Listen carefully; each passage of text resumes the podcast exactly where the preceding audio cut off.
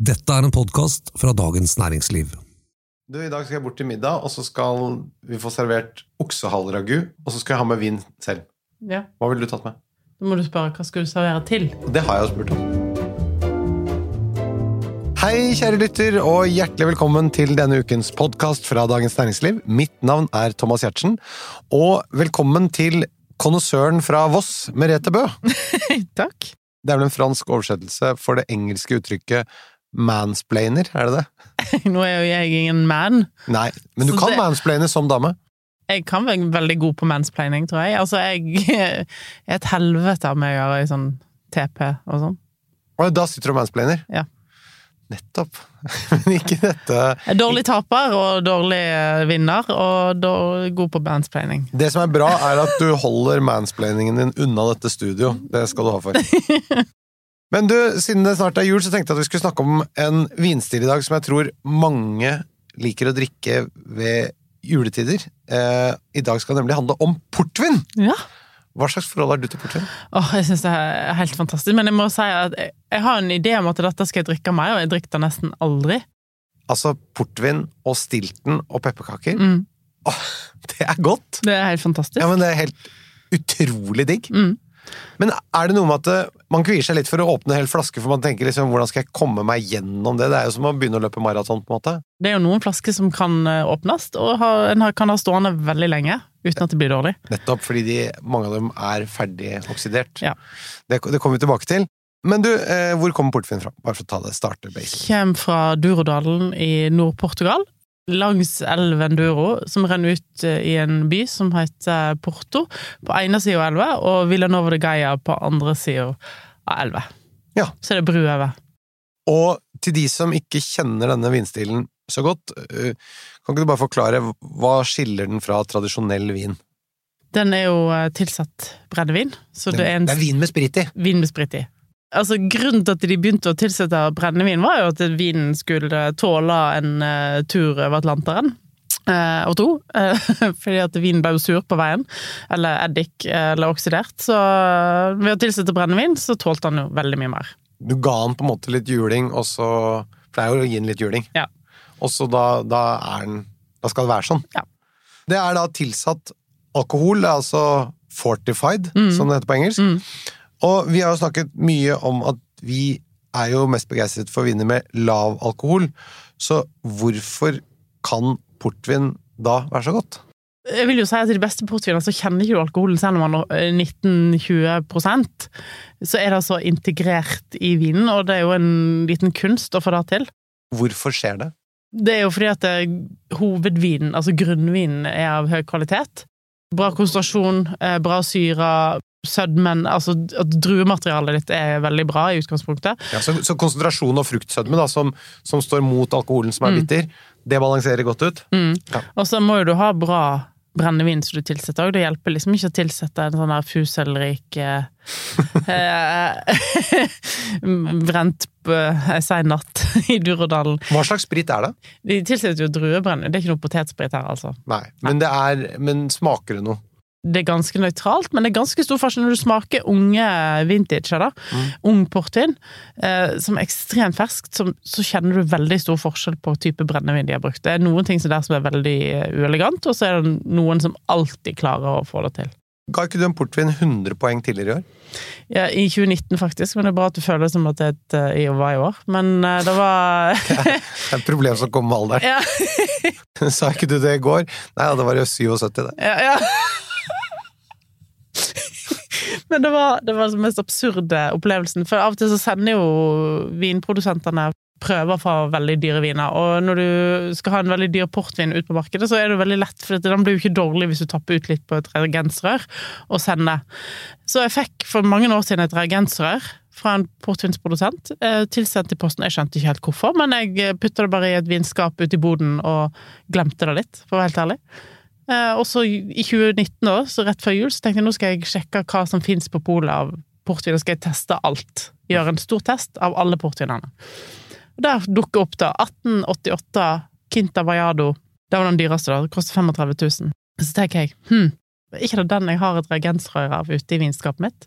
Og dette var en tirsdag, jeg satt hjemme alene, og så Ja, der var den! Så åpna jeg den, Og så bare shit, begynte å grine. Det var så fantastisk. Bare lukka jeg igjen eh, reagensrøret ganske kjapt, for det var jo litt igjen. Så jeg lot flere smake på den, og alle som fikk smake, var jo enig. Og så tok jeg resten, altså det var sikkert en lite fingerbølle igjen, eh, og serverte til de gjestene jeg hadde på en smalårfest rett før jul. Eh, og eh, der han ene bare sitter og trykker på mobilen under bordet etter å ha smakt den. Så hva du driver med? Jeg kjøper den ene flaska som er tilgjengelig i Norge. Men altså, jeg skjønner jo at du kan begynne å grine når du smaker noe til 35 000. Ja! Fordi du vet, jeg kan aldri kjøpe det. Dette er jo å smake historien på en annen måte. Du kan bare glemme å gjøre det på den Du, sant, kan, du kan ikke sitte og smake en ost fra 1888. Jeg bare flåser. Portvin kan ha særdeles høy kvalitet, men siden dette er hetvin, slipper de da unna klassifikasjonssystem? Nei. Nei. Nei. Nei. Du vil ikke svare noe mer enn nei. Nei. Det er faktisk lært at hvis man skal være journalist, så skal man ikke stille spørsmål som kan Ja, besvares med ja eller nei. Men uh, her gikk jeg rett i den fella, gitt.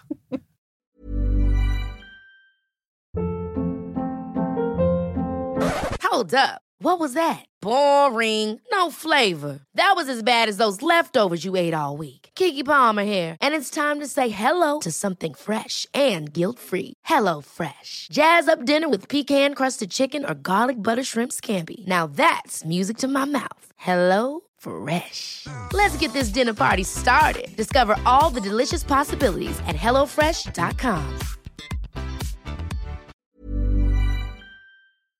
Ok, men du, her er det jo ganske mange ting å huske på. Jeg foreslår at først så går vi bare gjennom navnene på de ulike stilartene portvin. Ja. Og så etterpå så går vi litt mer i dybden, og så forklarer du hva som er forskjellen på de ulike stilartene. For her er det jo en del å huske på, og det er litt komplisert. Det er hovedsakelig to stilretninger det gjelder portvin. Det er Ruby og Tawny. Og innenfor Ruby-kategorien så har du da Late Bottle Vintage, Vintage, og så har du eh, Single Kintas. Og så innenfor Tony så har du Tony, som kommer i mange forskjellige utgaver, og så har du Kolheita. Og så har du en hvit portvin, som kan på en måte komme litt i alle forskjellige stilretninger. Gjerne som Kolheita, eh, og som Tony, men òg som litt sånn yngre hvit portvin. I dag, kjære lytter, så handler det altså om portvin. Og Merete, du skal selvfølgelig komme med anbefalinger på de beste kjøpene. Og alle vinene ligger som vanlig i episodeinfoen, så det er ikke noe vits i å notere. Da må vi gjennom alle disse stilene og forklare litt om hva det betyr. Da foreslår jeg at vi starter da med Ruby. Mm. Hva er reglene for det som kalles Ruby? Ruby er liksom en eh, portvin som er den ferskeste av de alle. Og den som har liksom fronta Rubyen eh, de siste årene, er Dirk Niport, som driver Niport, eh, en av de best berømte portvinshusene. Og han har da laget en litersflaske med Ruby som heter Trudy. Trudy the Ruby. For å gjøre den litt sånn trendy, da. Men igjen, den har liksom vært den vanskeligste å selge, tror jeg, de siste årene. Men det, det er en sånn det vi kaller for entry level, altså en Ja. enkel Hva hva kan jeg forvente av en, en god Ruby-produsent, da? Nei, Den har bare ligget et par år på fat, så den har ikke så mye fatkarakter, men den har veldig sånn juicy, rød, mørk frukt. Eh, og ganske fersk, da. veldig stilen. fersk, og tett, eh, og søt og rik, og, men, men en litt sånn, ja Den ferskeste av de, av portvinene. Ja. Trenger det å være fra én årgang? Nei, det er aldri fra en årgang. Kan du lagre en Ruby? Ja, den, det var ikke det jeg ville gjort. Fem år, men ikke noe, liksom, det er ikke noe vits i å lagre denne. Hvor mye koster en bra Ruby? Nei, altså, den, Ruby koster rundt 200 kroner. Literen til Dirk Nipport. Eh, Den er vel kanskje litt mer, mellom 200 og 300, men eh, den er, det er ikke noe Det er ikke noe dyre saker. Nei. Og ikke veldig komplisert. Hva, hva anbefaler du å spise til, da?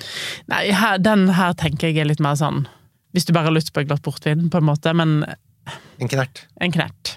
Men det er jo en heftig jobb å gå gjennom en liter med Ruby portvin. Det, da bør det være flere folk i rommet. Ja. Litt sånn vanskelig for meg å finne et bruksområde til det. Hvor lenge holder han seg med kork i Nei, kjøleskapet? han gjør jo ikke det. Han heller seg ikke så lenge, sant. Nemlig. Eh, Fordi at eh, en Ruby portvin, den stilen, eh, holder kanskje ei uke maks, før han begynner å liksom tape litt frukt, og da er ikke han så god lenger. Men det bringer oss over på en stil som tvert imot har et sånt oksidativt Ja. preg, og som tåler luft. Tony. Ja. Den kan ha vært i lagra i mange mange år på fat, eh, alt etter på hva som produsenten eh, har lyst til.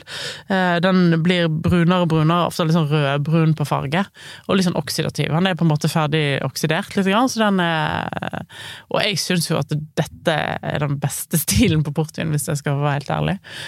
Og fordi at her kan du åpne flaska og ha stor glede av den lenge. Nettopp. Den kan stå hele jula. Ja, ja, ja. Den kan stå i flere måneder, av og til et år.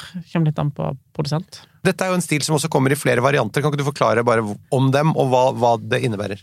Stort sett, så- Du kan få en enkel Tony, som er den enkleste bare står Tony på, og så har de da 10 år, 20 år, 30 år, og noen har 40 år. Men det betyr ikke at de er 10 år, 20 Nei. år eller 30 år. Det er den stilen. Altså, sånn vil en 40 år gammel Så det lages smaker. mot en stil, og så er det et smakspanel som tester om den kvalifiserer til å smake som om den er ti år. Men det er egentlig deres hva skal vi si, for noe mer sånn oppfatning av hva ti år smaker, og hva Ja. år smaker. Men det er jo masse, det er en blanding av masse årganger, så det er jo vin som er eldre enn ti år oppi der, og så er det kanskje noe vin som er yngre enn ti år, og så når du blander de sammen, så blir det på en måte ish ti år. Men kan det være sånn at en produsent tenker at nå lager vi en skikkelig bra 20 år, og så sier panelet nei, den er kvalifiserbar til ti år? Ja, det kan hende. Nettopp. Det er ofte en familie som står bak her, Altså det er sånn familiebedrift. Så du, det er som at du skulle presentert den her til broren din og søstera di og tante og onkler og Det sensoriske panelet, ja. det består av ja, ofte, ja, ofte er det jo noen det var ansatte noe, jeg trodde det var i appellasjonen som er uavhengig av selve bedriften, på en måte. Nei, det er bare vintage. Jeg tror ikke de henger seg opp i hvordan en Tony Det er jeg litt usikker på. Det vet jeg ikke. Nei, men dette får vi finne ut av, Merete. Hvis du som hører på vet det, så kan du melde inn. Lagring av Tony, da? Det tåler mye tid. Men det er ikke noe egentlig poeng, for den Nei, er jo den er jo ferdig lagra, Ja. og den er ferdig til å drikke, men, eh, men det gjør ingenting om du tar vare på en eh, 40 år gammel Tony i 30 år til. Det er bare fint, for det står ikke årgang på etiketten, og det er fort gjort å glemme. Du tenker at du skal huske for alltid når du kjøpte den. Eh, veldig fint å henge en liten lapp på den i kjelleren. At den kjøpte du julen 2021, men kom ikke til å åpne den likevel. Og for de som syns det høres litt bestemoraktig ut, så er det det, men i, i vinverden så må man være litt sånn. Hva koster en bra Tonje? 300 kroner opp i ja, i mange tusen.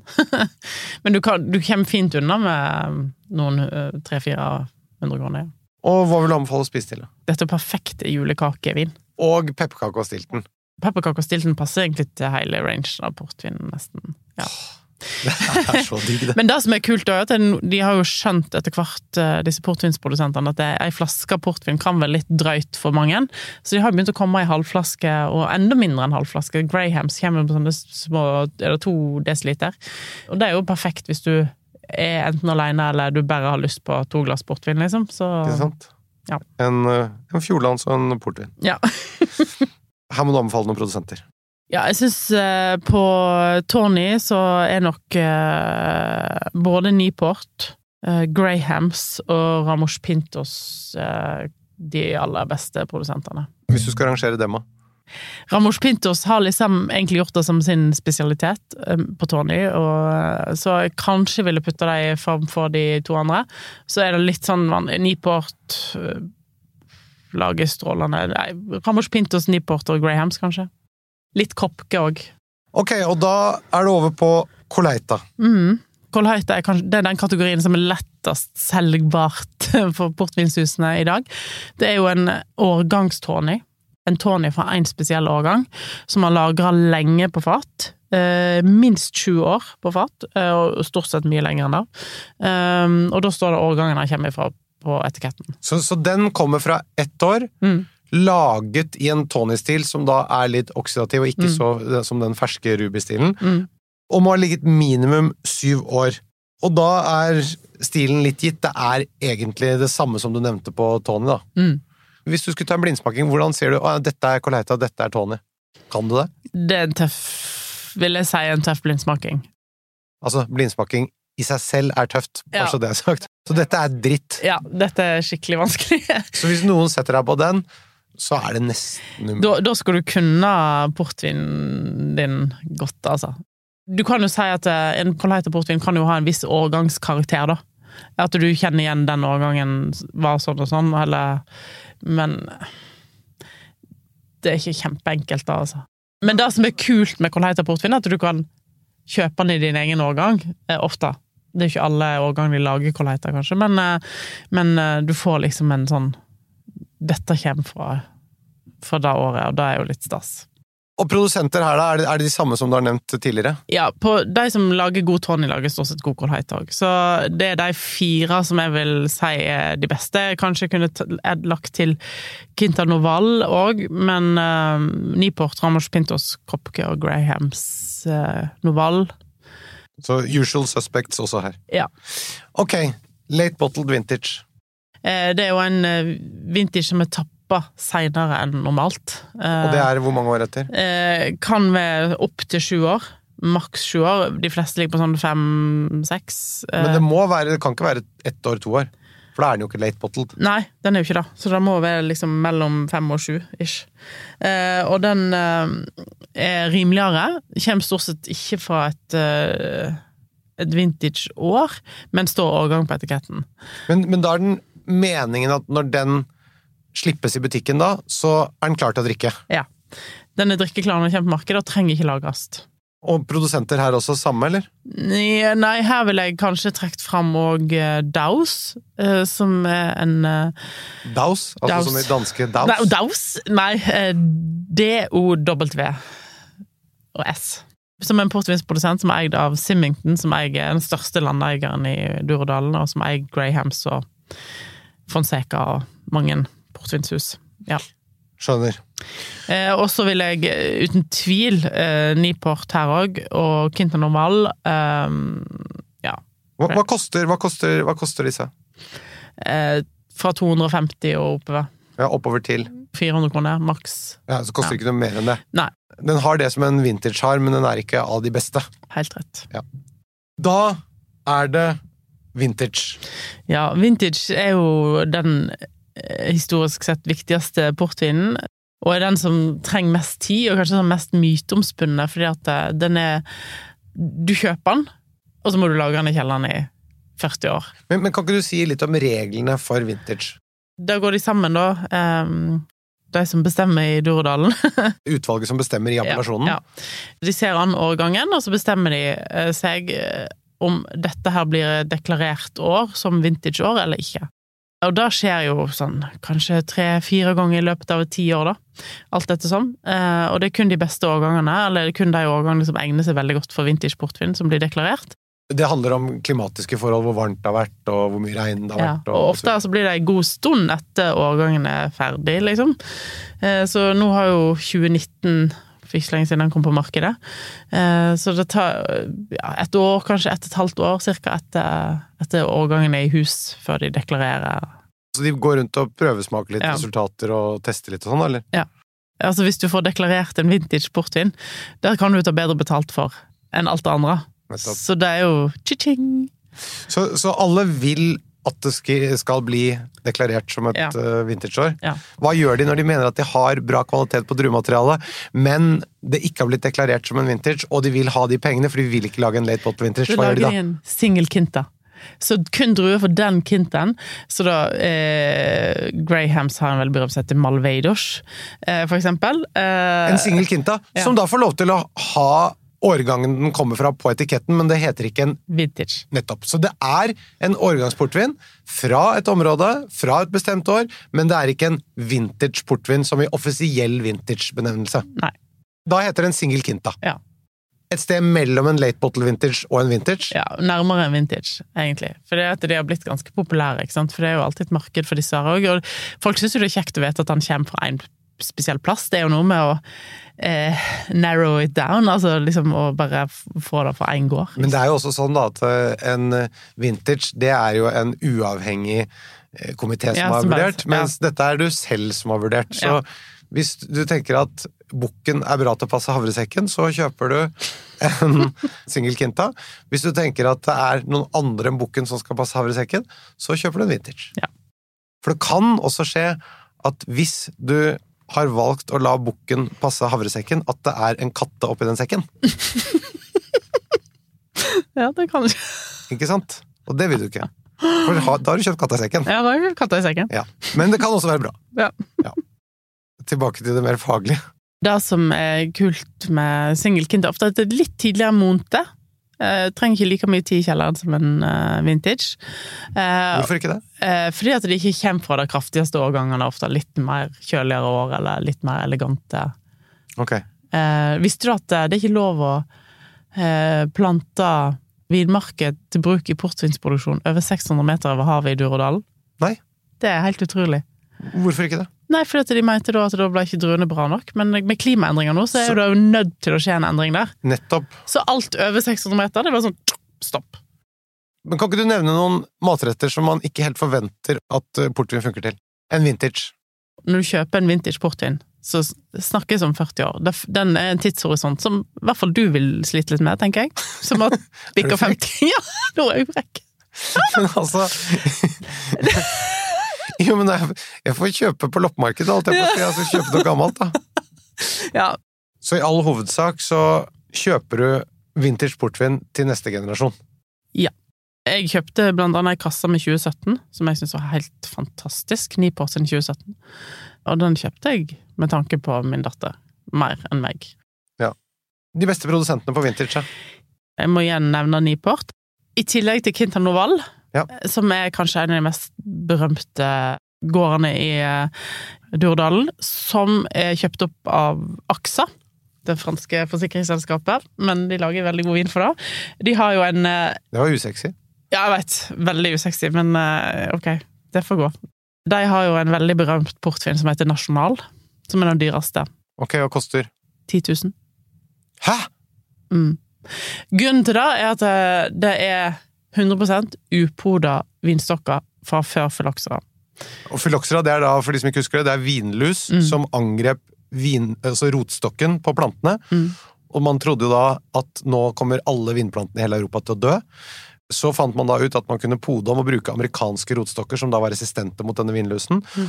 Og de aller, aller fleste rotstokkene i hele Europa nå er eh, podet, altså er, da bruker man amerikanske, men noen få områder ble ikke plaget av, og er ikke plaget av fyloksera, og dermed så kan man bruke den, øh, hva skal vi si for noe, riktige eller den tilhørende rotstokken. Det stemmer helt med fylokseraen, og den eh, er jo blitt så unik. Det er jo blitt mindre og mindre av den, de vinstokkene hos Noval, så de lager jo veldig lite nasjonal. Eh, Så i år så kom det åtte flasker til Norge. Oi, oi. Den eldste nasjonale jeg har smakt, var fra 1931. En legendarisk årgang, eh, og en legendarisk vin i et legendarisk år. Der smakte jeg fantastisk. Så det er jo 90 år siden, da. Hvis du skulle fått blindsmaking, hva ville du dømt det på da? Alkoholen må være veldig integrert. Den må ikke ligge utenpå. For ofte, hvis han ligger utenpå allerede som ung, så vil han alltid bli liksom Aldri blir skikkelig integrert, vil jeg si. Eh, og så syns jeg ofte de som klarer å lage ikke for søte eh, Det er to Altså Niport og Dows eh, klarer å lage veldig sånn litt sånn tørre Har litt tanniner, har litt struktur, har litt sånn litt motstand i vinen. Eh, syns jeg ofte er bedre enn at det bare er sånn søtlig eh, suppe, liksom. Og dette er de vinene du da ville drukket til, til kjøtt og Ja, ja, ja. sånn? Og hvis du syns det er for mye med ei hel flaske med vintage, så kan du òg teste ei halv flaske. Ja. Eh, For det er flere og flere som kommer med halv flaske med vintage, eh, som er ganske kult, for dette da, det er jo rimeligere, selvfølgelig, og så får du jo eh, stort sett nok med halv flaske, egentlig. Så vintage, det er enten så er du heldig å ha noe som noen har tenkt på deg før, eller så er det et prosjekt for de veldig, veldig unge, Mm. Som kan tåle lagringa, Mm. eller så må du kjøpe noe gammelt. Mm. Men du, det vi ikke har snakket om, det er hvit portvin. De prøver jo veldig å liksom gjøre en renessanse på hvit portvin. Familien Simmington har da prøvd via Grahams portvinshus, som de har, som er kanskje mest kjent, eh, lage en ny sånn der eh, kolleksjon med hvite portviner som du skal bruke i drinker og sånn. For i Portugal så er det ganske vanlig med hvit portvin og tonic, som en sånn aperitiff, da. I Portugal er det jo lett å selge, for dette er en tradisjon i Portugal, men litt verre i Norge, tror jeg. Selv om det er fine flasker og trendy, og litt prøver å gjøre det trendy. Men den beste hvite portvinen, syns jeg, er i hvert fall én produsent som lager uten tvil, og det er Andresen. Som har gjort det som sin spesialitet. De har veldig bra Kolheita hvit portvin og bra eh, Tony hvit portvin, som er helt fantastisk.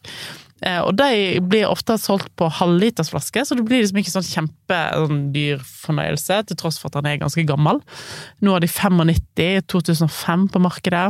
De har eh, sånn 10-20-30 års Tony. Med grønne druer, da.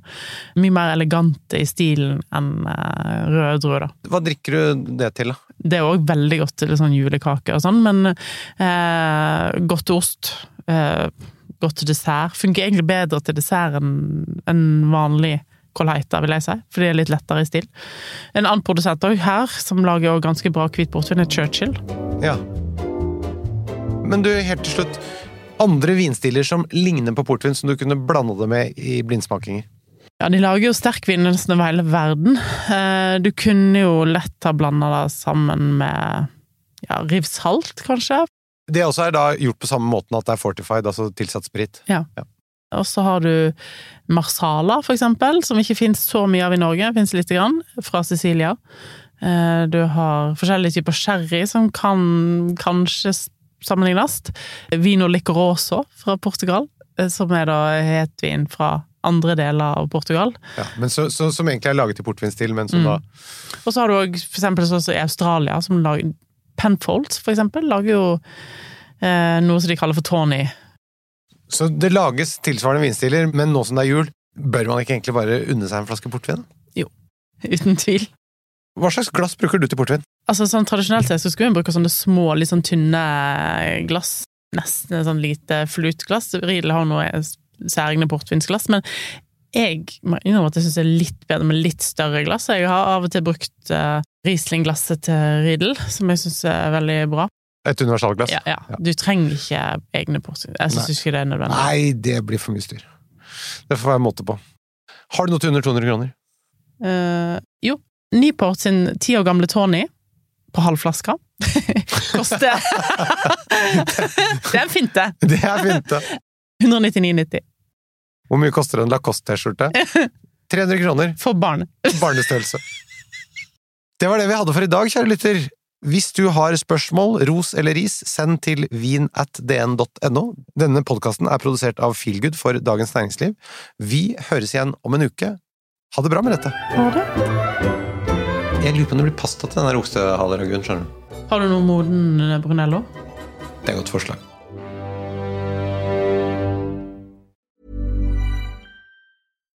Hi, I'm Daniel, founder of Pretty Litter. Cats and cat owners deserve better than any old fashioned litter. That's why I teamed up with scientists and veterinarians to create Pretty Litter. Its innovative crystal formula has superior odor control and weighs up to 80% less than clay litter. Pretty Litter even monitors health by changing colors to help detect early signs of potential illness. It's the world's smartest kitty litter.